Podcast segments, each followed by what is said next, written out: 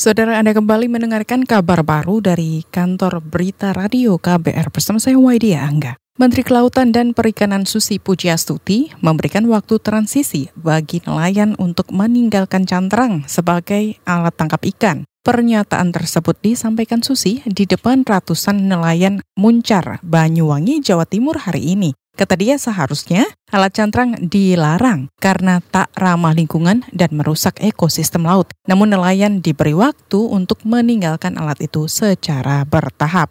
Cantrang itu kan yang dibuang tangkapannya banyak sekali. Diarah bawa pulang itu separohnya, yang separuh dibuang. Lah yang dibuang itu kalau gede, bayangkan di Pantura Jawa ini yang besar-besar di Tegal, Batang, Pekalongan. Itu kapal cantrangnya 70 GT ke atas.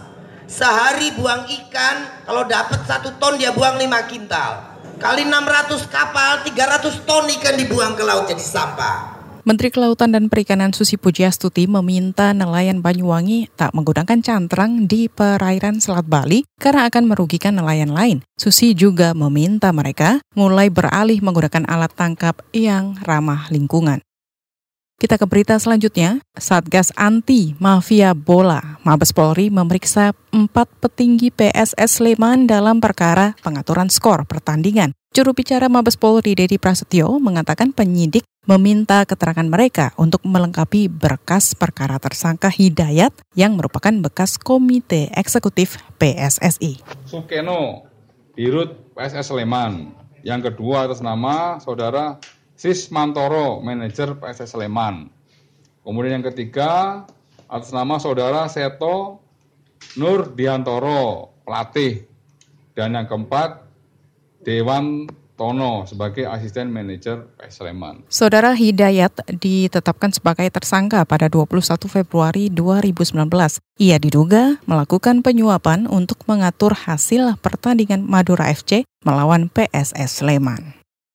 Kita ke berita lainnya. Kampanye terbuka dan debat kelima diperkirakan tak lagi berpengaruh pada elektabilitas kandidat Pilpres 2019. Pandangan ini disampaikan Direktur Eksekutif Lingkar Madani, Rai Rangkuti. Menurutnya dua pekan jelang pemungutan suara, pergerakan suara cenderung stagnan. Ini lantaran calon pemilih mayoritas sudah menetapkan pilihannya. Orang mau diapain pun juga nggak mengubah pilihan politiknya. Jadi mungkin pemilih Pak Jokowi, kalau kita lihat survei sudah hampir mencapai 90% nggak akan pindah-pindah.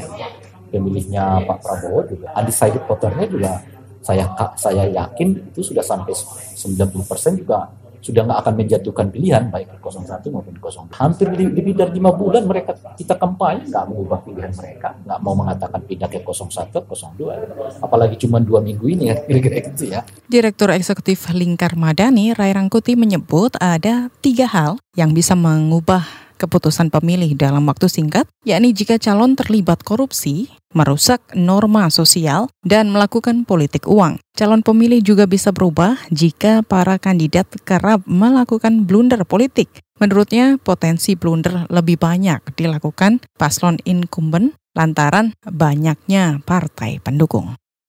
Kita ke berita olahraga. Ganda putra nomor satu dunia Marcus Gideon Kevin Sanjaya melaju ke perempat final kejuaraan Malaysia Terbuka 2019.